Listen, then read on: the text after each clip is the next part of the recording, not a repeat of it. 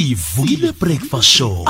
Rnb ukwekwezi fm kukhanya ba soweto 106.3 esowethu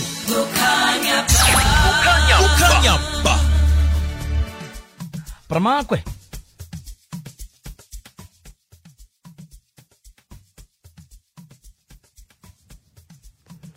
Lochani sibonile ukuthi ama consumers la eSouth Africa at least bayabonisa ukuthi no basathenga izinto because mawubheke i-consumer confidence yethu iyabonakala ukuthi improvile from negative 13 points kuthi iye ku-negative 10 points.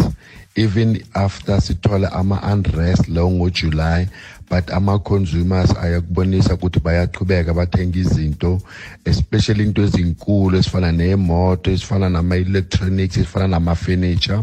And then into futhi mhlawumbe inceda i-consumer confidence le ndaba le ukuthi ugovernment achubeke ngele ndaba lokubhadala abantu ima-350 rands. Ngele ndaba le futhi ukuthi abantu labathola imali eningi from amakhampani as ama-dividends ukuthi ama-dividends wakhona akhulile lokho kuncede kakhulu and khumbula umnotho wethu more than 60% yakhona idependa kuma-consumers mabaspenda imali. So lokho kuyasijabulisa masibona improvement ku-consumer confidence. And then namhlanje ustats sa uzositshela ukuthi umnotho wethu ukhule kanjani ngo-second quarter. Khumbula nge-first quarter ye-this year umnotho wethu ume lapha ku-4.6 percent.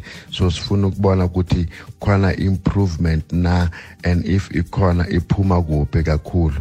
Siyathokoza.